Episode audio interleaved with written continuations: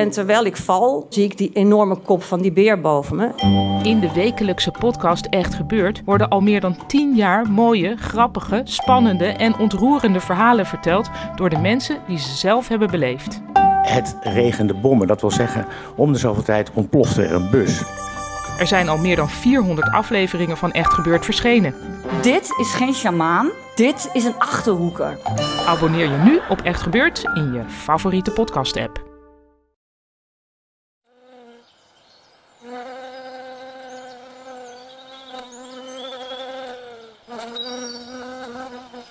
We zijn weer terug.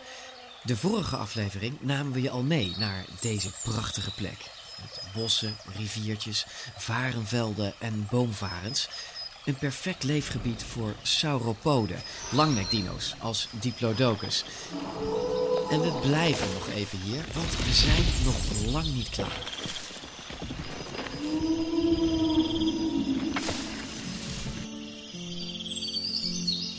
Inmiddels kennen we de belangrijkste trucs waarmee deze dieren zo enorm groot konden worden.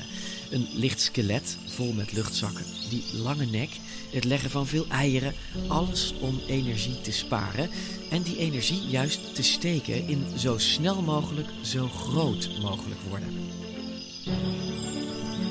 Vandaag gaan we meer horen over deze sauropoden, want er zijn nog zoveel vragen onbeantwoord. Waarom werden ze zo groot? En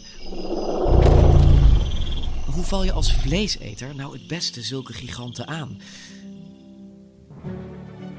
En we blijven niet op de grond, zoals de vorige aflevering nog wel lukte bij Diplodocus hè, met zijn horizontale nek.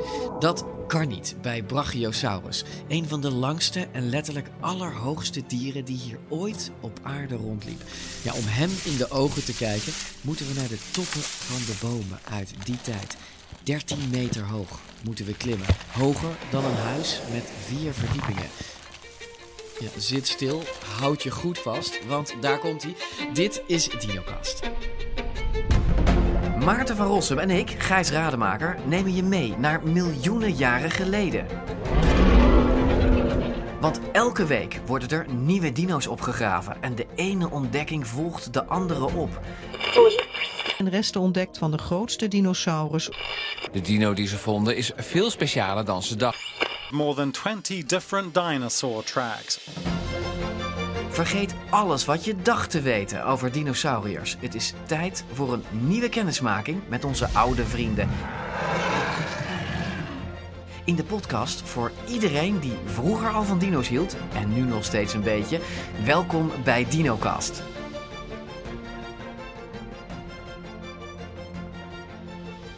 Ja, we zijn terug in het Oertijdmuseum, hè, de enige plek in Nederland en België waar je Brachiosaurus in volle glorie kunt bewonderen. Ja, en daar staan we dan, zo nietig klein naast dit mooie dier, verzucht ik meteen. Maar Maarten is het natuurlijk niet eens. Die begint meteen met nare termen te strooien. Nou, omdat jij zei, Gijs, van wat is dit mooi? En ik zou niet het woord mooi gebruiken, ik zou het woord zonderling gebruiken. Hoogst zonderling, want het is natuurlijk een, laten we eerlijk zijn, het is een idioot beest. Want je moet even denken aan het feit wat een gewicht dat dier dus had. Hoe moeizaam de verplaatsing wel niet zou moeten zijn. Eh, daar komt bij dat hij ongelooflijke hoeveelheden plantaardig voedsel naar binnen moet werken. Om deze waanzinnige machine op gang te houden. Waarbij natuurlijk altijd de vraag rijst, als je evolutionair denkt, waarom is er niet ergens een soort stop opgezet? Zeg maar dat hij gewoon, dat hij gewoon een paar meter werd in plaats van 13 meter. Jonathan, vertel. Ja, dat is een eh, hele goede vraag. En eh, ook een vraag waarvan we niet het complete antwoord weten. Primair is het natuurlijk zo dat als je groter wordt, is het moeilijker om gegeten te worden. Dus we zien eh, soorten langzaam zeker groter worden. Vleeseters daarentegen, die worden ook langzaam zeker groter om weer die grotere prooi te kunnen pakken. Bij zeker Brachiosaurus zien we zo'n gigant dat hij gewoon geen vijanden meer had op het moment dat hij volwassen was. Nou, wat je eigenlijk ziet, zeker in hoe, hoe snel word je zo groot, dan zien we dat er toch tientallen miljoenen jaren overheen gaan voordat generatie na generatie. Iedere keer worden ze één stapje groter dan de voorgaande generatie, omdat die gewoon ja, beter bestand was tegen rovers. Maar ja, ook die rovers die werden natuurlijk groter. Nou, een T-Rex die was er nog niet in het Jura-tijdperk, maar er waren genoeg andere vleeseters, zoals Allosaurus en Torvosaurus. En die, ja, die hebben vast ook hun zinnen gezet op zulke enorme massa's vlees. Dus stel dat je op deze giganten wilde jagen, hoe zou je dat dan aanpakken? Maarten weet wel waar hij zou beginnen. De buikpartij van dit immense, trage bewegende dier moet enorm kwetsbaar zijn geweest. Dus als ik een beetje een rover was, dan zou ik zeggen: ik, ik, ik neem een hapje uit de buik, want daar kan hij niet veel aan doen. Nou ja, dan moet je bedenken, de grootste rovers uit die tijd, en dan moet je denken Ja. naar een beest, toch wel formaat T-Rex, maar die heet dan Torvosaurus. Die, eh, ja, die kon op zich best daar een hapje uitnemen, mits die en de huid kon doorboren en ook daadwerkelijk zijn, zijn bek ver genoeg kon openen om daar een, Een opening lekkere in te hap maken. van te nemen. Want de huid, begrijp ik, was zo, zodanig stevig dat het lastig was om daar doorheen te komen. Nou ja, dat is een theorie natuurlijk, want we vinden niet heel veel huid terug. Maar waarschijnlijk wel stevig genoeg. Maar hoe bracht je überhaupt... Kijk, er werd dus op deze dieren gejaagd. Hoe... het is... Maarten, even... ja, niet even de koninklijke familie natuurlijk. nee.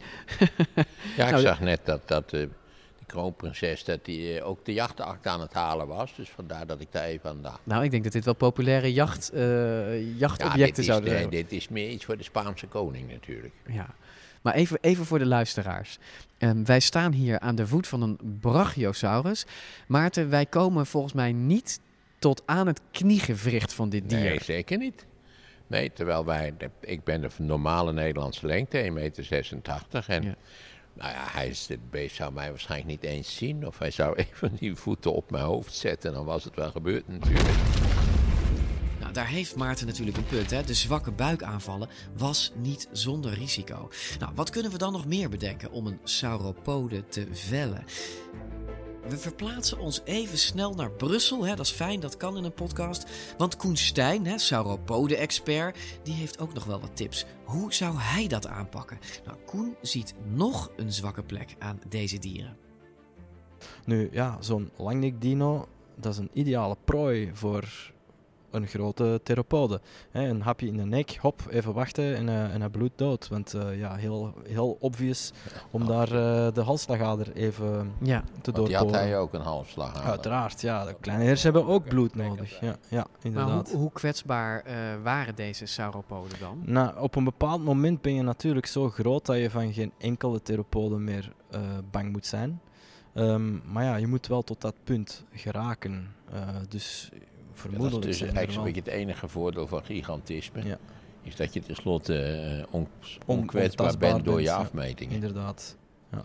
Maar waar verdedigden zich, ze zich mee? Konden ze met die staarten? Ja. Ik, zeker Diplodocus, had Diplodocus natuurlijk een staart die flink... Die heeft een heel lang, dun, zweepachtig En staartje. dan hele kleine botjes helemaal in het uiteinde. En ehm, er zijn studies gebeurd waar het geluid... Het, het zou een zweepslag geweest zijn. En echt klats, eh, Ja. hè, als een kogel. Een superluid eh, geluid waar je echt wel mee zou kunnen eh, Aan de imponeren. punt van die staart moet het tempo vrij hoog liggen Ja. natuurlijk. Ja, precies. Die staart die kon natuurlijk verwoestende slagen uitrichten. Nou had Brachiosaurus een relatief kleine, korte staart. Maar die van Diplodocus die was inderdaad zo opvallend lang... dat gedacht wordt dat hij hem waarschijnlijk als een echte zweep kon gebruiken. At first glance, a lumbering sauropod was at a disadvantage, for size isn't everything. But that is where their tail comes in. Certainly, it would have been useful as a weapon one way or another, whether they're attempting to whip it or simply club them over the head with it. Uh, anything that's flexible and weighs a lot and can transfer kinetic energy to your enemy is going to come in handy in a pinch if you're being attacked. Ja, leuke theorie natuurlijk. Maar deze wetenschappers die brachten hem ook in de praktijk met best een heftig resultaat. So we've created a little experiment, sort of a half-scale tail, and it's going to swing and hit a jawbone, and we're going to see just what kind of damage it could do. And three, two, one. Significantly more. All right. Let's play that back. You could really see the tail start to do the classic bullwhip action and snapped out and then continued. And that, that transfer of energy just bam right to the end of that tail. Ja, bam! We zetten deze beelden voor je op dinocast.nl en dinocast.be, waar je dus kan zien dat de staartpunt echt als een zweep functioneert en dat kaakbeen van een theropode, vleeseter, gewoon verpulvert. Nou, als jager moet je dus echt uit de buurt blijven van de achterkant. En, en eh, ik bedoel, dat is Diplodocus. Ehm, eh, andere grotere sauropoden hadden natuurlijk eh, misschien niet zo'n lange staart, maar wel een hele krachtige staart. Dus Ja, en daar kan behoorlijk mee. Een krachtige dijen. Ik bedoel, een, een olifant kan zich ook wel... eh, die, die heeft natuurlijk wel zijn slagtanden. Ehm, maar die kan zich even goed met zijn, met zijn poten verdedigen. Even stampen en eh hop, Schoppen. ja, schoppen. Volwassen olifanten hebben ook geen natuurlijke vijanden. Nee. Maar je ziet regelmatig in die documentaires dat die jonge exemplaren wel, als ze, als ze van de kudde afraken, want dat is natuurlijk het hele idee van handige jagers, dat je de, de jongen scheidt van de kudde. Ja. En dan zie je dat die jonge olifanten wel gegrepen worden door leeuwen en zo. Ja. En dat verklaart misschien ook waarom dat we zo weinig eh, jonge sau- sauropoden vinden. Dus omdat ze allemaal gewoon opgegeten zijn. Ofwel groeien op tot een volwassen exemplaar. Of ja, bijna volwassen. Oftewel ben je theropodenvoedsel. Deze is nog ook nog niet volwassen. Nee, inderdaad. We vinden ook wel best wel wat eh, van die sauropoden waar heel wat tandkrassen Ja, op bij- ja, bij- bijtsporen en eh, ja. Bij, waar dan? In de nek natuurlijk. Hun eh, poten dat ze afgeknaagd zijn en ehm, Giraffen zie je wel eens met hun nek Ja, slaan. Daar Kon- zou die ook wel dat? eens- Ehm, ja, dat is ook een goede vraag. Ik denk wel dat er best wat beweging zat in die nek. Maar of ze als een giraf zouden kunnen slaan, ik, ik weet het Volgens niet. mij doen giraffen dat vooral tegen andere Ja, giraffen. dat klopt. Ja, doen ze- ja ik zie doen ze geen wel. leeuwen Nee, kapot nee, met, die met eigenlijk. Nee, maar ik, ik bedenk gewoon, ik zie dat beest en ik denk, hoe kan het zich dan verdedigen? Behalve dat je natuurlijk, je verdedigingsmechanisme is zo groot mogelijk zijn. Ja, het wegloopt. Die, als je daar zo, toch over die giraffen voor jou hebben. Die kunnen verrassend, eh, weliswaar maken ze zo'n rare stijve beweging. Maar ze kunnen verdomd hard lopen. Ja, maar de- ik zie die sauropoden, zie je die galopperen? Zo'n ja, zo'n hele grote 20 tonner. Dat wordt Nee, al... maar die zijn al zo groot, die worden niet aangevallen. Ja. Maar zo'n die juveniele exemplaren de kleinere konden... best misschien Ja, het zou weg best, kunnen wel, het zou best wel kunnen. Voor de, kijk, voor de meeste eh, prooidieren is, is de primaire verdediging is hard weglopen. Ja. Hè? ja, en kudde, en kudde, Ja. kuddegedrag. Dat, ze, dat de roofdieren met de zwakste schakel gaan lopen. En, eh, of de Nou ja, traagste. dat zie je bij die genoes. Hè. Er zijn dan dus 10.000 van die beesten. En dan eerst zwerven die, die, die rovers, die grote kat, achter een tijdje mee. En dan kiezen ze kiezen er één uit. En, en die scheiden ze van de kudde. En dat is natuurlijk bijna altijd een exemplaar wat oud is, of, of een zwakte indruk maakt, of jong. Hè. En, en dat de meeste, nou, wat je Die weet, isoleren ze dan? de meeste jachten die mislukken bij het leven. Er is geen hard bewijs van een gezamenlijke jacht. Er zijn wel Allosaurus-standen gevonden op de botten van langnekdino's, maar dat kunnen natuurlijk ook aaseters geweest zijn. Maar toch is een jacht in groepen geen raar idee. So, Allosaurus was big and fast, but could it have hunted and killed those sauropods? Some are dubious that a single Allosaurus could kill even a young, old, or sick sauropod. This brings up group behavior. Like crocodiles, they may have gathered together, working semi cooperatively to isolate an individual from a herd and take it down. Ik zou het niet alleen doen. Ik zou eh, altijd eh, in teamverband eh, werken. Nou, weet ik Waren niet het, of- waren het ja. team in teams jagende dieren? Weten we dat? Dat, eh, daar durf ik me niet over uit te spreken, maar ik denk het wel. Ze zullen misschien een combinatie van strategieën hebben uitgevoerd. Ehm, dat is soms alleen. En als het kan, ja, waarom niet? Met z'n met z'n tweeën, ja, je drieën. ziet leeuwen zie je heel efficiënt in teams, In teams jagen en soms ook een alleen, tij-. Een tijger jaagt nooit in een team. Ja. Je jaagt altijd alleen. Ja. En, en ja, ik zou voor de nek gaan, maar Ja. die is al heel snel te hoog. Dus wat doe je dan? Nou, een diplodocus zal dat nog wel meevallen. Ik denk dat je, ehm, als je snel genoeg bent, daarom dat ik zeg, in team, je kan hem doen opschrikken en hem eigenlijk recht in de, de, de mel van eh, je compaan jagen. Ja, ja. En dan is het maar even flink doorbijten en Dan is weg. geklaard. En als we niet de nek kunnen bereiken, wat doe je dan? Ja, proberen hem eh, om te werpen. Of zijn En beentjes? op- ja, en of dat hij zijn poten kwetst, als je hem, als je hem kan omwerpen. Ehm, en dan de- inderdaad de, de onderbuik, hè. Eh, die is meestal iets eh, zachter. Kijk maar bij die, bij die jagers op de savanne. Hm. Die beginnen vaak aan de onderbuik terwijl het beest Ja. nog leeft. Dinosaurussen hadden ook wel buikribben. Dus het zal wel ietsje moeilijker zijn om de ingewanden er dan uit te halen. Maar ja, met scherpe klauwen als die van Allosaurus moet dat wel lukken. En je, als, je, als je genoeg wonden toebrengt, dan... Ja, dan, dan krijg je een, eh, een, dan bloedt hij dood en dan krijgt hij shock. En dan ja, sterft hij uiteindelijk wel. ja, dus dan wacht je gewoon totdat hij omvalt. Even wachten. En, ja, de meeste roofdieren vandaag, als je kijkt naar katachtigen, die gaan natuurlijk voor de, ehm, de, het strottenhoofd. En proberen oftewel een bloedverbruging of eh, een, ervoor te zorgen dat Ja, het... de halsslagader. Ja, de halsslagader. Of, doen. ehm, houden je ziet het ook, dan houden ze de hele tijd vast. En dan, Hm. En dan eh, ja, is het dan gedaan. is het gauw gebeurd Ja, in het algemeen. Dus ik Net denk- als bij onze halsslagader het gauw gebeurd is. Ik denk niet dat eh, de Allosaurus een, eh, een, een, een andere strategie zou toepassen. Nou, en tenslotte, er is nog een theorie en die klinkt eigenlijk heel erg smerig. De flash grazing methode. Het grazen van vlees. Dat gaat zo. Another possibility is a theory called flesh grazing. These sauropods were so big that a bite taken out of them wouldn't have been too debilitating. A carnivore or a group of carnivores could take mouthfuls out of different animals, spreading it around so no single sauropod was killed or crippled. This would allow the animal to heal and be fed on again later. Despite whether this actually occurred, Allosaurus's jaws were jointed in a way that widened the mouth as it opened, enabling it to tear off large chunks of meat in one bite. Dus je hoeft zo'n reuzendinosaurus helemaal niet per se om te leggen. Nee, je neemt er gewoon hapjes uit en je laat hem dan weer lopen. Ja, dit geeft wel een hele nieuwe betekenis aan de term lopend buffet. Genoeg over de vrede jacht op deze arme, onschuldige sauropoden. Want er is nog iets aan deze dieren dat ik niet snap. Als je zo groot bent en vooral je hersenen zo hoog zitten als bij Brachiosaurus, hoe sterk moet je hart dan wel niet zijn? Ik wil even een kleine overgang maken naar het hart. Dat hart, dat moet gigantisch zijn geweest. Ja, absoluut. Dat, dat dier is 10 meter hoog. Dat moet een hart ingepast hebben, ter grootte van een mini. Ja, het moet best wel wat geweest zijn.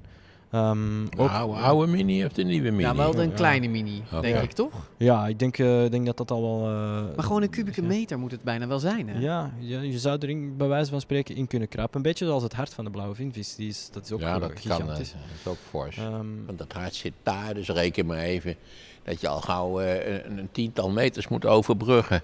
Dat betekent dat dat hart een immense druk moet kunnen genereren. Het heeft natuurlijk te maken, te maken met eh, de kracht om dat bloed door die nek te stuwen. Zeker bij de sauropoden die hun nek rechtop hielden. Ja, als je 10 meter moet overbruggen naar dat koppie, 10 meter hoog, dat is een enorme druk eh, die op eh de hart komt te staan.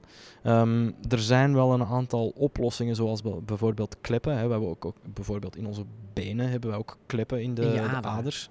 Eh, dus die bloedvaten die zullen daar wel op aangepast zijn. Dus dan zal, Ja. dat, dat ze zouden er, eh, zeg je eigenlijk, in de nek bijvoorbeeld kleppen, kleppen zitten. in- Of, om ervoor te zorgen dat het bloed niet zou terugvloeien als het eh, naar boven gepompt. Dat het als het ware stelselmatig omhoog Wat je natuurlijk bij onze hartkleppen nu ook hebt. hè. Ja. Je pompt het er doorheen en dan sluit de klep zich. En dan, als dan weer niet wil, doet hij het zo. Ja. Allemaal heel handig dus. Maar voordat je denkt dat sauropoden 100% perfect ontworpen zijn, hier zitten er toch wat zwakheden in het ontwerp hoor. Want zelfs met zulke fancy hartkleppen buig je niet zomaar even voorover om te drinken. Als zo'n langnek zijn, zijn koppie naar beneden bracht. Giraffen hebben daar trouwens ook heel veel last mee. Als die eh, ehm, Ja, die drinken. als en, ja, dus die staat dan in zo'n spreidstand. En dan brengt hij zijn kop naar beneden om te drinken. En dan als die te snel recht zou staan, dan eh, Valt hij flauw. Ja. Bizar, ja. Dat Ja. moet Dat het is een deze. beetje wat ik ook heb. Als ik te snel Ja, plots dat, eh, hebben, dat hebben wij dus al. Giraffes hebben dat nog wat meer. Want die hebben een nek van een paar meter. Ja. Deze hebben een nek... het, dat eh, zou echt... ja, bij zo'n zo'n brachiosaurus eh, moet wel wat geweest zijn. maar hoe drinkt een brachiosaurus Ja. dan? Heel voorzichtig. Geen idee, heel voorzichtig, ja. Dat zou kunnen, toch? Hm. Dat ze zich traag bewogen. Traag, ja, Maar ik traag. moet je bekennen, goed, ik heb hier al mijn twijfels bij als, eh, als leider van de evolutie. Maar ja, die giraffe is natuurlijk ook een idioot ding. Dat ben, moet, moet je wel constateren, ja. Het is wel een het beest, hè? Het gekke is natuurlijk, eh, je kunt altijd als tegenargument zeggen... die beesten die hebben 100 miljoen jaar rondgelopen. Hè, waren althans, er vergelijkbare soorten hebben 100 miljoen jaar rondgelopen. Dus het, hoe idioot het ook eruit ziet, het moet efficiënt geweest zijn. Ja. Onder de toen vigerende omstandigheden. Ja, maar die omstandigheden waren ook best lastig. Want laten wij eerst maar eens een 100 miljoen jaar eh, volmaken. Wij bestaan nu geloof ik 200.000 jaar. We zijn echt, eh, echt eh, kom maar net kijken. Oké, drinken was dus waarschijnlijk niet simpel voor Brachiosaurus, hè, want die kop die moest zo'n 12 meter omlaag buigen en weer terug omhoog. En het leuke van het Oertijdmuseum is, hoe hoog die kop precies zit, dat kun je zelf beleven. Want ze hebben er een, ja, een stellage naast gebouwd. Je kunt drie verdiepingen omhoog klimmen om hem recht in zijn ogen te kijken. Dat is wel wat hoog voor Maarten. Zullen wij, zullen wij even naar, voorzichtig Ja, naar de boven kop, lopen? Ja, ik, de trappen is voor Durf mij je dat, natuurlijk- Maarten? Nou, eh, maar dan ga ik heel, heel langzaam naar boven. Ik wil anders Dus ook wel even met Jonathan lopen. Ja, doe dat maar. En dan kijk je naar die kop, terwijl ik van onderen kijk. Dat is goed. Ik kan het in principe kan ik het goed zien natuurlijk. Dan komen we zo bij je terug. De hal is eigenlijk ontworpen om dit beest nog enigszins eh, normaal onder te kunnen brengen, neem ik aan. Nou, leuker nog. We zien aan het eind van zijn kop zien we een beetje een rare knik zitten. Ja. Eigenlijk was hij te lang, het dak was te laag. Oh, dus toen hebben we dat expres erin laten maken, zodat hij eh, ja, erin paste. Dus normaal is die nek dus nog iets rechter dan nu. Iets rechter, ja. En is hij dus nog iets hoger dan dit. Ja, Want hoe, hoog, hoe hoog wordt zo'n Brachiosaurus gemiddeld? Nou, dat is een beetje schatting natuurlijk, maar wordt geschat op rond de 12 meter hoogte. Jemig, dat is 10 Dat is tot even hoog 12. als mijn huis. Ja, echt Dus ik zou uit mijn studeerkamer, had ik hem op de neus kunnen kietelen. Een, een huis van een verdieping of vier. Of met een hele nee, flinke drie zolder. ruime verdiepingen. Ja, precies. Oké, dit is verdieping 1. We gaan nu naar verdieping 2. En dan gaan we de trap op. Het wordt nu wel hoog, eh, Jonathan. Ja, een meter of negen zitten Ja. hier. Oké, leuk zo'n leuk zo'n doorzichtig roostertje ook. Hartstikke leuk. Dan voel je gewoon ook, jee, we zitten echt hoog. Oké. En, hier, jezus. Maarten, het is wel, even aan Maarten beneden. Het is wel echt wel hoog hoor, als je hier zo staat. Jee, Maarten zei, ik zou meteen hoogtevrees krijgen. Ik kan me voorstellen dat die beesten zelf ook hoogtevrees zouden krijgen. Maar het mooie is dus hier, we zijn nu op de derde verdieping in het Oertijdmuseum. En ja, we staan nu dus letterlijk oog in oog met eh, de Brachiosaurus, Jonathan. Wat mij opvalt is eigenlijk als je naar die hele grote kop kijkt, is, zijn meteen die tanden. Het zijn, het zijn hele rare verticale tanden, alsof je een soort ja, een borstel of een kam of zo ziet. Ja, het zijn eigenlijk kleine staafjes die ze gebruikten letterlijk zoals wij een hark gebruiken. Alleen wij gebruiken natuurlijk om blad bij elkaar te vegen. Ja. Maar hij gebruikt het om daadwerkelijk blad uit de boom te trekken. Dus hij schraapt bladeren van de takken af, zo moet ik het zien. Ja, ja dan stript hij ze helemaal. En, en ik zie, ehm, want ik zie, we kunnen er prachtig in kijken. Ik zie eigenlijk ook geen kiezen. Dus hij doet daar niks mee. Hij Nee. schraapt het alleen van de takken af. Hij slikt het in zijn geheel door en dat komt beneden, wordt dat weer verder verteerd en verwerkt. Wat mij ook nog opvalt is, je kunt hier natuurlijk prachtig ook ehm, op de nekwervels kijken. En ehm, het, het, ze zijn gigantisch natuurlijk, maar ze zijn ook heel erg lang, hè? Ja, eigenlijk wat we, wat we zien bij zulke beesten, eh, ze hebben nog steeds 15 nekwervels. En die zijn gewoon als, als extraatje gewoon veel groter geworden in plaats van dat er meer werden. In tegenstelling tot wat je bij sommige staarten ziet, zie je dat het aantal wervels heel erg toeneemt. Ja. In de loop van miljoenen jaren zijn ze eigenlijk uitgerekt. Zo moet ik het zien. Ja, ja en de grootste die we vinden zijn echt een meter lang. Een wervel van een meter. Ja. Ja, dat is prachtig. En wat je ook goed kan zien nu we hierboven staan, dat zijn de neusgaten van het dier. hè. Dat wil zeggen de holtes in het bot. Die zitten bij Brachiosaurus achter bovenaan, nog boven zijn ogen zelfs. En dat was de reden waarom ze vroeger dachten dat dit dier deels onder water kon leven. Ja, onzin natuurlijk, dat weten we inmiddels. Maar Koen die legt ons uit dat ja, die hoge neusgaten in de schedel, dat die niet betekenen dat daar boven ook echt de neus zat. De neusgaten staan, stonden sowieso van voor op de neus. Hè, want je ziet de openingen eh, van die neusgaten op de schedel lijken heel ver naar achteren. Ja.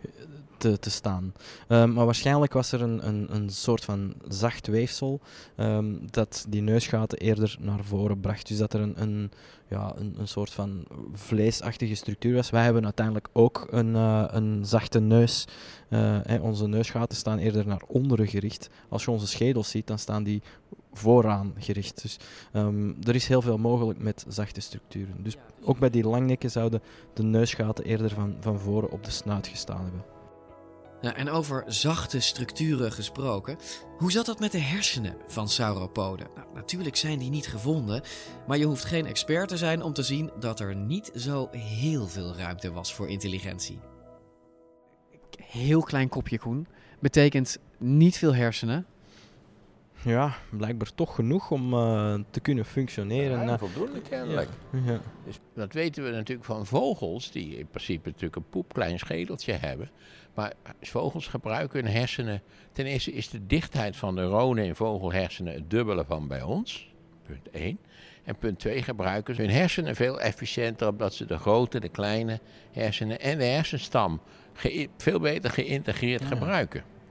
Vandaar dat je dus zo'n kraai van de, van het, weet je, de Solomonse eilanden met zo'n stokje in zo'n, in, zo'n, in zo'n flesje ziet piemelen. Hè? Ja, ze gebruiken gewoon gereedschap. Ja, het is gereedschap. Je hebt ook hele stomme vogels, maar je hebt, he, je hebt ook hele slimme vogels. Dus het zegt eigenlijk niet zoveel. Maar toch uh, ben ik wel benieuwd, um, Maarten en Koen. Hij heeft in principe voldoende hersens om met een stokje in een, in een, in een, een klein flesje, een klein flesje, te, maar, maar als je hem op zijn staart tikt, hoe lang duurt het dan? voordat het hoofd dat merkt? Dat is natuurlijk de vraag die ik heb. vrij snel. Ik denk ook dat het vrij snel gaat. Ja, dat, is, een, dat is niet... Uh, um, dat is elektrische geleiding uh, ja. langs neuronen. Pff, dus maar er was geen tweede hersens, uh, hersencentrum nee, nee, bij de heupen en zo. Ja. Dat was zo'n gerucht in mijn tijd dat die hele grote dinosaurussen ook een, een stel hersenen hebben, of een beetje ja. ter hoogte van hun uh, in de heupen. Ja, in de heupen hadden. Er is wel, um, bijvoorbeeld bij Triceratops zie je dat, uh, een, um, een, uh, een zenuwknoop, zenuw. ja, een knoop in, in het bekken. een hol, echt een, het is echt een grote holte.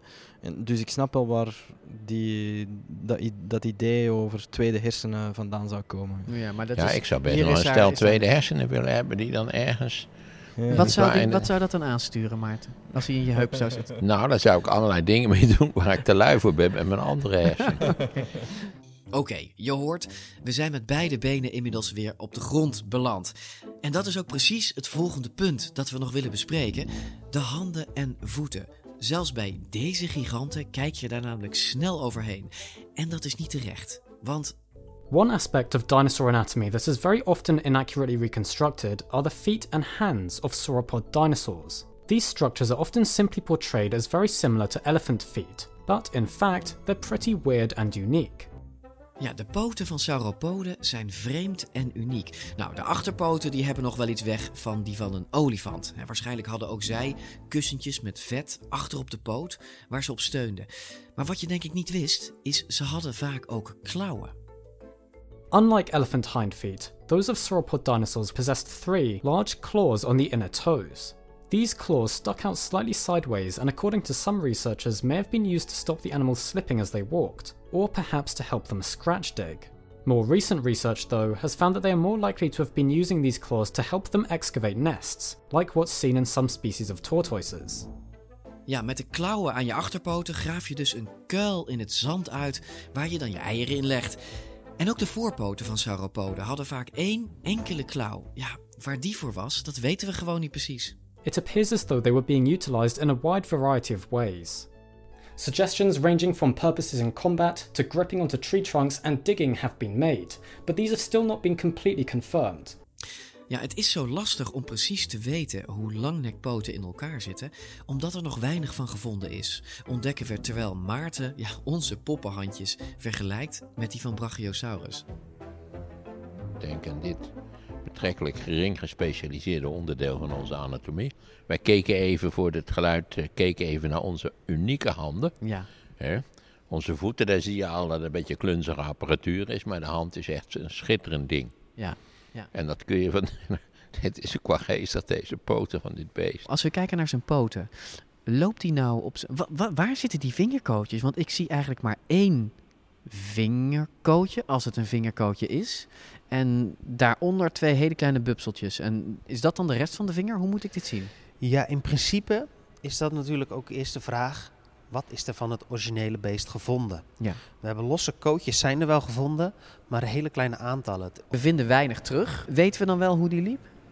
Nou, dat weten we wel, want we hebben pootafdrukken gevonden. Ah. Ehm, je kan op verschillende plaatsen kan je ze ook vinden. Ik heb ze ooit zelf gezien in Texas. En in eerste instantie denk je, waar sta ik naar te kijken? Want je ziet gewoon een, Een ja, gat. een rond gat van een meter doorsnee. Dat je, ja, en dan zie je op een gegeven moment schuin daarvoor nog één en nog één. En als je dan het gele plaatje ziet, zie je inderdaad zo'n spoor lopen. Maar op het moment dat je daarnaast zit, ja, het, het is gewoon een rond gat. Ja. Van een meter doorsnee. Maar wat vertelt jou dat dan over die poot, als je gewoon alleen maar een gat ziet? Nou, dat is vergelijkbaar met de poot van een olifant. En dan kijk je naar de botten in de poot van een olifant en dan leg je wat je hebt gevonden ernaast. Moet ik het zo zien? Dus het is eigenlijk een soort de basale bouw is hetzelfde idee eigenlijk. Als je dus met dat soort van gewicht werkt, dan heb je ook, laten we zeggen, een, een, een soort poot nodig die dat gewicht kan dragen en toch flexibel functioneert.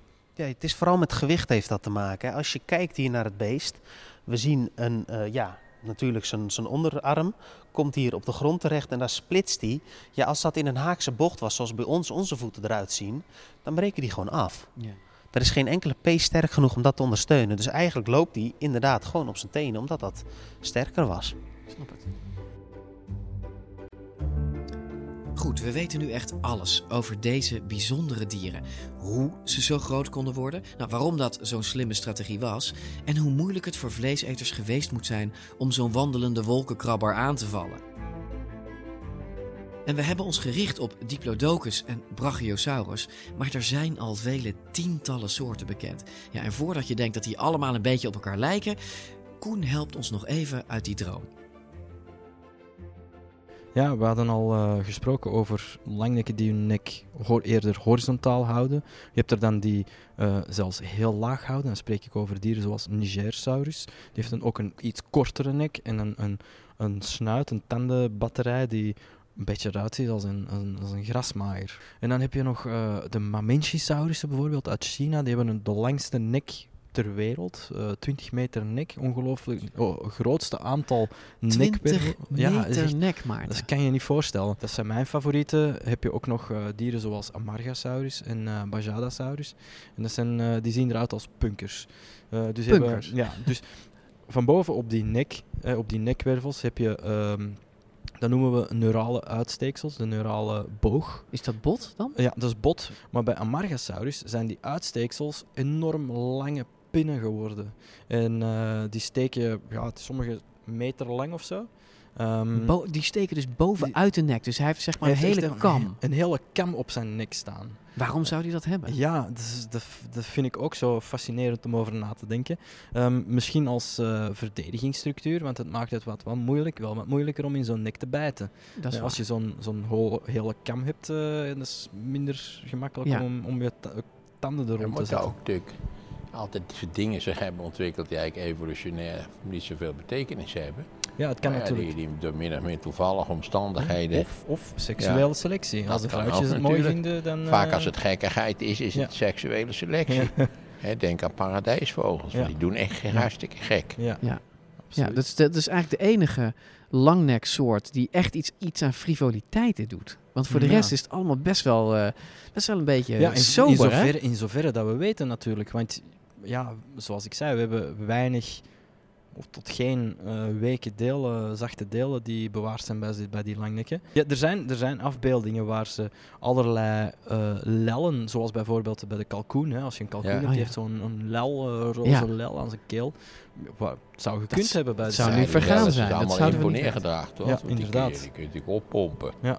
Laten we toch een beetje denken dat ze er zo uitzagen. Ja. Dat is toch wat, wat, wat frivoler dan de sobere grijze, sauropoden ja. die we nu kennen. groen of grijs Dus we hebben nu eh. slechte dinosaurussen, goede dinosaurussen, maar ook frivole Ja, dinosaurussen. ja, mijn palet breidt zich uit, Maarten. Ehm Koen, ontzettend bedankt. Heel graag gedaan. Ehm, en we spreken je snel weer. Oké, tot de volgende. Ja, we nemen afscheid van Koen, maar niet van jullie en zeker niet van Brachiosaurus. Want we hebben nog belangrijke vragen niet behandeld en dat heeft alles te maken met dit geluid.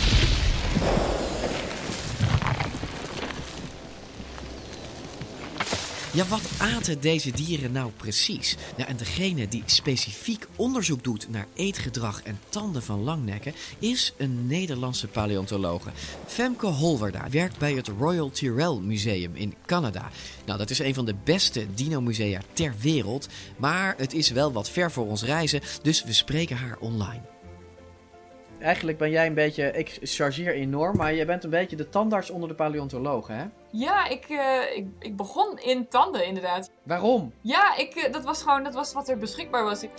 Ja, dat was wat er beschikbaar was, want eigenlijk wilden ze natuurlijk, zoals iedereen, En toen zei ik ook nog, mag ik vlees eten dinosaurussen doen? Want dat vond ik toen heel gaaf. Ehm, ik wilde natuurlijk eigenlijk het allerliefst T-Rex bestuderen. Dat wil iedere Ehm, paleontoloog. Dat wil, ja. Behalve Maarten Iedereen. trouwens. Maarten haat T-Rex. Ja, nee, mijn eh, begeleider zei toen...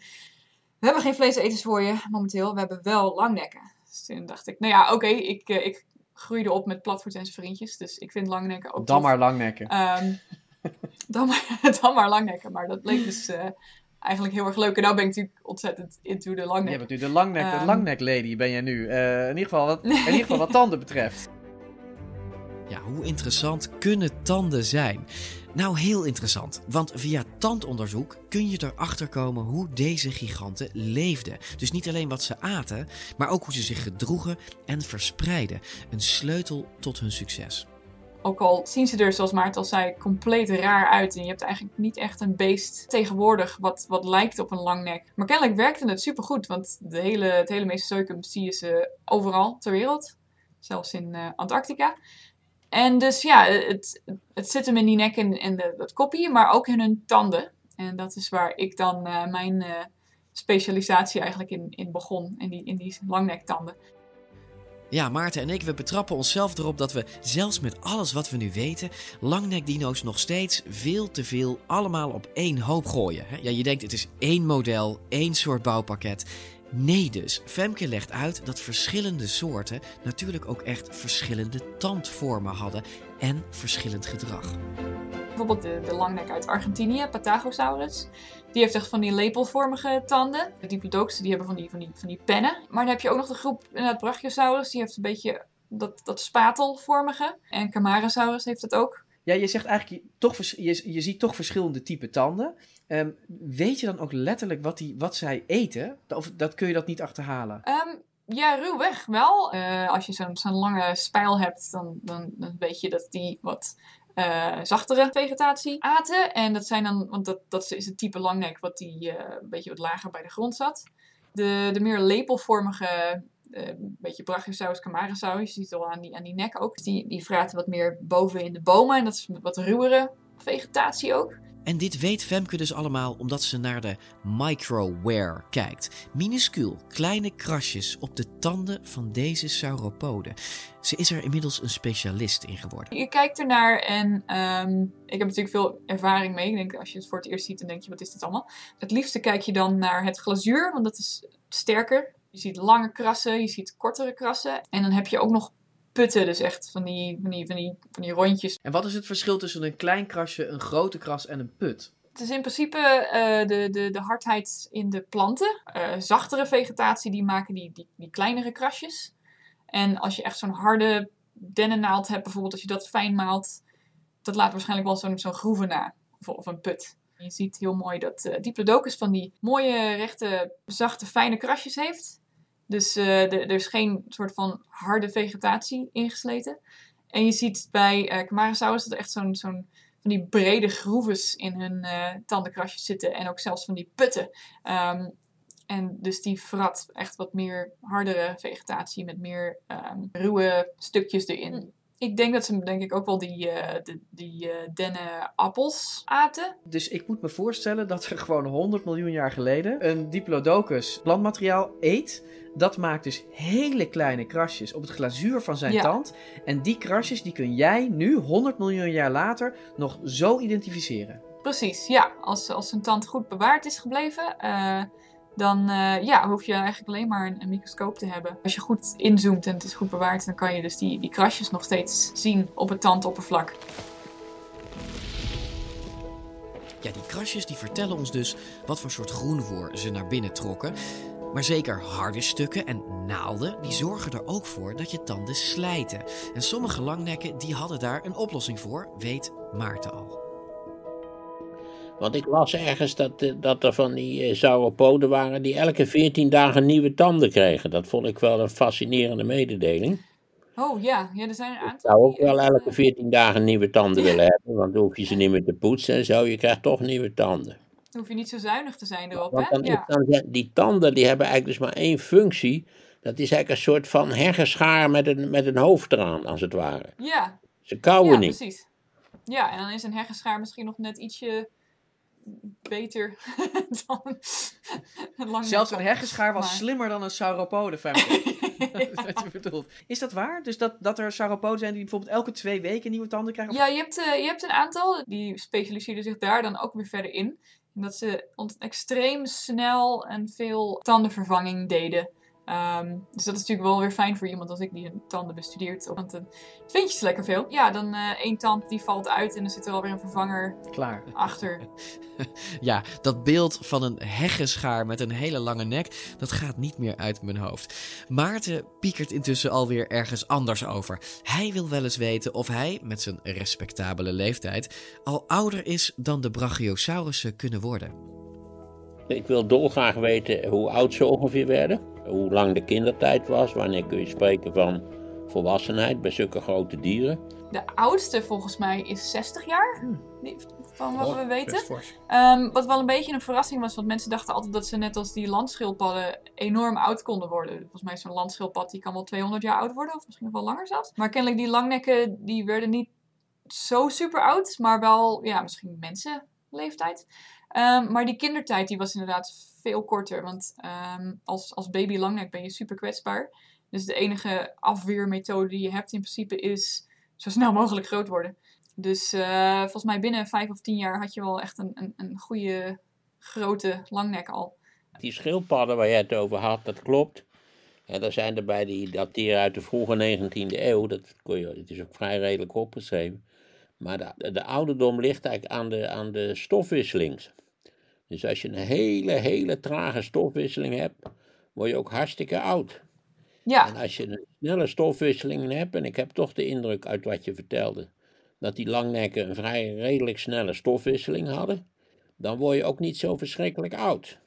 En zeker, Ja, geen, nee. 200, zeker geen 200 jaar. Ik vind 60 eigenlijk voor zo'n beest eigenlijk al een indrukwekkende leeftijd, eerlijk gezegd. Ja, zeker ook in, in een, een tijd waar, net als op de savanne, het eh, niet makkelijk was voor een, voor een planteneter met al die roofdieren. En wat ook niet altijd makkelijk was, was het vinden van voedsel. De gemiddelde sauropode had zomaar een kubieke meter groenvoer per dag nodig. En dat was er niet altijd. The land is drying out. En dus moesten ze misschien migreren. Net zoals de grootste landdieren van nu ook doen. Olifanten, die trekken dwars door hele droge gebieden. Ja, en dat lukt prima. African elephants are so resourceful, they can survive even here in the heart of the desert.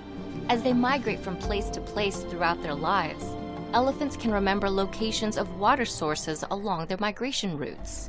Though this desert is more than 2 million square kilometers in size, the hundred or so elephants it supports know precisely where to find enough to eat and drink. Wat ik ook denk trouwens, net als bij olifanten, dat ze wel best wel eh, ver migreerden. Dus eh, ja, niet, niet bepaald op één plek bleven, maar echt gewoon een heel gebied afstroopten onderweg naar eh groener gras, letterlijk. Behalve dat er geen gras Ja, dat was. moet, toch, dat moet toch bijna wel. Je, moet bijna in beweging zijn, wil je die hoeveelheden als kudde kunnen verstouwen. Ja, zonder dat je alles kaal vreet en er niks meer te eten is en je allemaal eh, Precies. het loodje legt. Ja. er zijn wel studies gedaan naar de, de isotopencompositie van eh, die langnektanden. Dat is een hele leuke studie uit Noord-Amerika. Oké, help. Isotopen in tanden. Nou, heel kort en simpel. Alles wat je eet en drinkt laat een chemische afdruk achter in je lichaam. Hè? Bijvoorbeeld in het glazuur van je tanden. Dus als je onderzoekt welke stoffen er allemaal in die oude dinotanden zitten, dan kunnen we tegenwoordig zelfs met die isotopen terugvinden welk soort water een langnekdino als Camarasaurus dronk. Is een hele leuke studie uit Noord-Amerika naar eh, Camarasaurus. Die, die kennen we natuurlijk allemaal, want die, dat is die leuke die in Naturalis staat. Die keken naar de eh, zuurstofisotopen van die Camarasaurussen. En die zagen dat ze inderdaad gedurende het leven van eh, die tanden dan, hè, dus niet van het beest zelf inderdaad, maar van die tanden, konden ze zien dat er verschillende soorten water opgenomen waren. Dus water, je bedoelt eigenlijk water uit verschillende gebieden.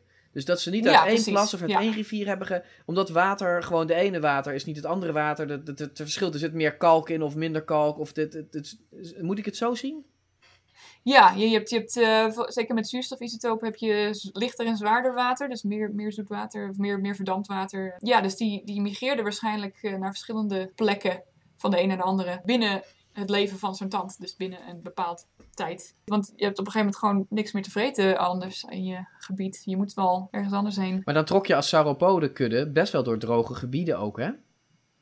Ik denk het wel. Ik denk dat ze, zeker als je gewoon een, een grote, goed gevoede langnek bent, dat je wel ver kon gaan met, met een volle tank. Dat je, dat je waarschijnlijk wel de.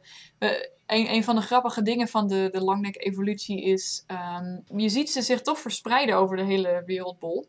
Terwijl er een hele grote woestijn midden in Gondwana zat. De, de, de centrale Gondwana-woestijn. Mhm. Ik weet niet of ze er dwars, dwars doorheen zijn gegaan, maar kennelijk ja, hield dat ze echt niet tegen. Nee. Ehm, Nee, dus ze, ze, Ja. ze moeten ook gewoon hete, droge gebieden soms hebben kunnen oversteken. Eh, Ja. Met weinig groen. dat- ja, met veel reserves. Dat, dat kunnen olifanten ook heel erg goed.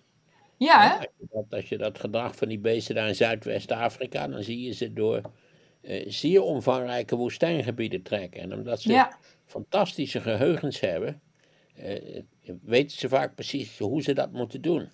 Net zo goed als ze water kunnen ruiken, ook als het een meter diep zit. The land is reduced to a parched wilderness. The water holes are gone. But elephants know how to get a few vital drops. They dig. Maarten heeft gelijk en hij wijst ons nog op iets anders. Een bijzondere manier van communiceren. Olifanten doen dat namelijk ook met hun poten. Zouden ze ook dat hebben kunnen doen wat ook olifanten doen? Met die dikke poten. Dat, die poten zijn heel gevoelig. En als je dan flink met die poten stampt, dan kunnen ze over tientallen kilometers met elkaar communiceren. Oh, wauw, dat wist ik niet. Door trillingen in de grond. Oh, Ja, dat klinkt, dat klinkt Ja. als iets wat deze dieren zouden kunnen. ik denk je- als het, als het lawaai maakt, en het is natuurlijk ook wel weer een, ja, je gaat stampen. Ja, Wat een goed idee. Doen olifanten dat echt, Maarten? Dat is wel mooi. Dat wist ik niet. dat is gaaf, ja. En dat klopt, olifanten die doen dat inderdaad. This giant stops the lions in their tracks. His warning calls rumble through the ground for miles. Family picks up the danger signals. They have exceptional hearing, but also listen with their feet.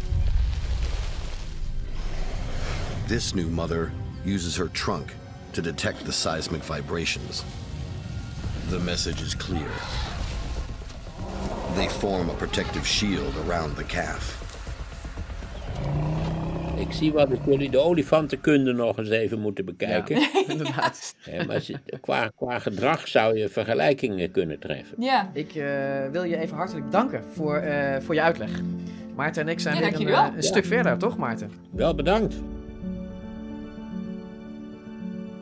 Goed, Femke die legde voor ons de voorlopig laatste puzzelstukjes over Brachiosaurus en andere sauropoden. Na twee afleveringen mag je je denk ik bijna een expert noemen op dit gebied. Maar je weet, er is altijd nog een toetje. Want we eindigen natuurlijk met de langnekdino's in Jurassic Park.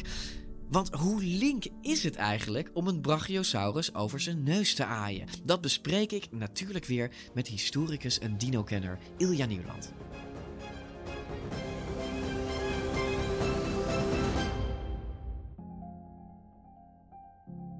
Ilja, ehm, daar zitten we weer. Ehm, in Jurassic Park is de, ja, de belangrijkste langnek is een Brachiosaurus. En een schatje. Tenminste, als je, dit zo, eh, als je de film zo mag, eh, mag geloven. Wat mij allereerst opvalt is, laten we even luisteren naar de geluiden die ze maken.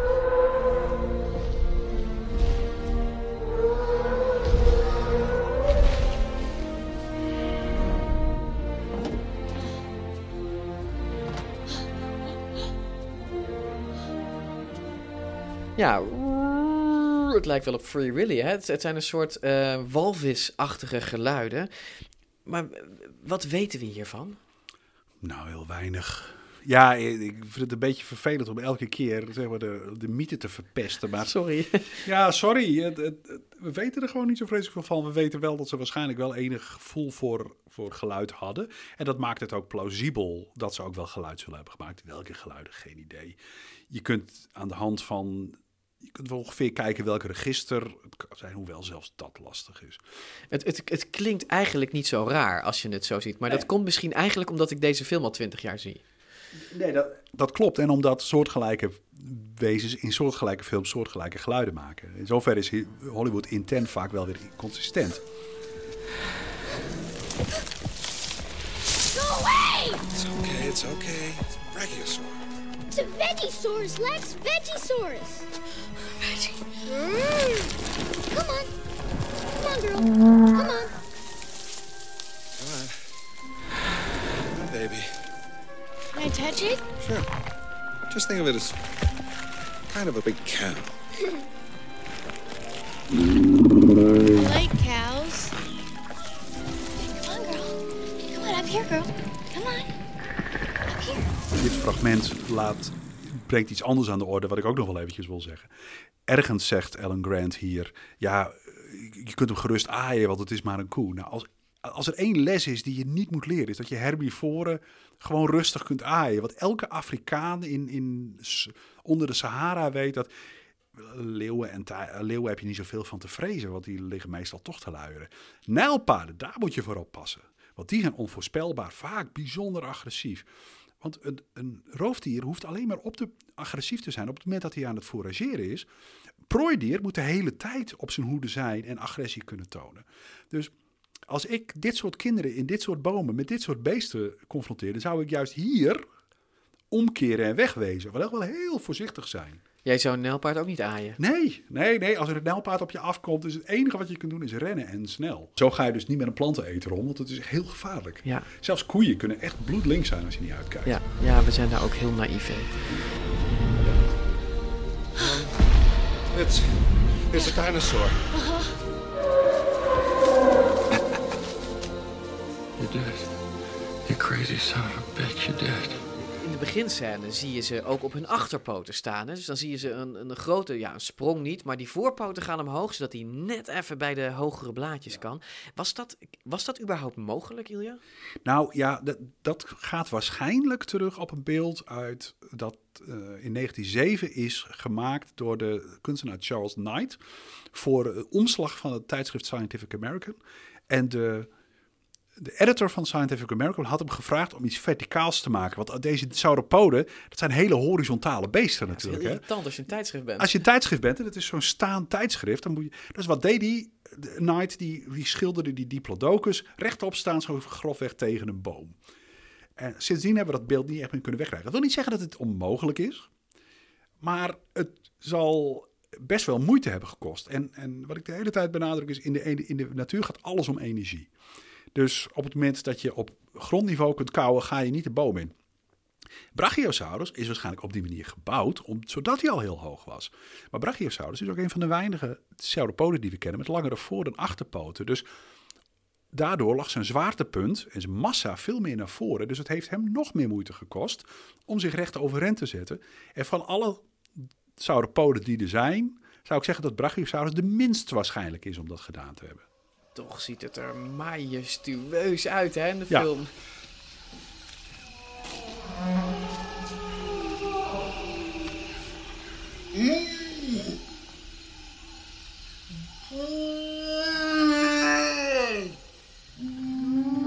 Je ziet ook op een gegeven moment dan, dan, ehm, dan eh, gaat de, de paleontoloog Grant, die doet een, eh, een roep.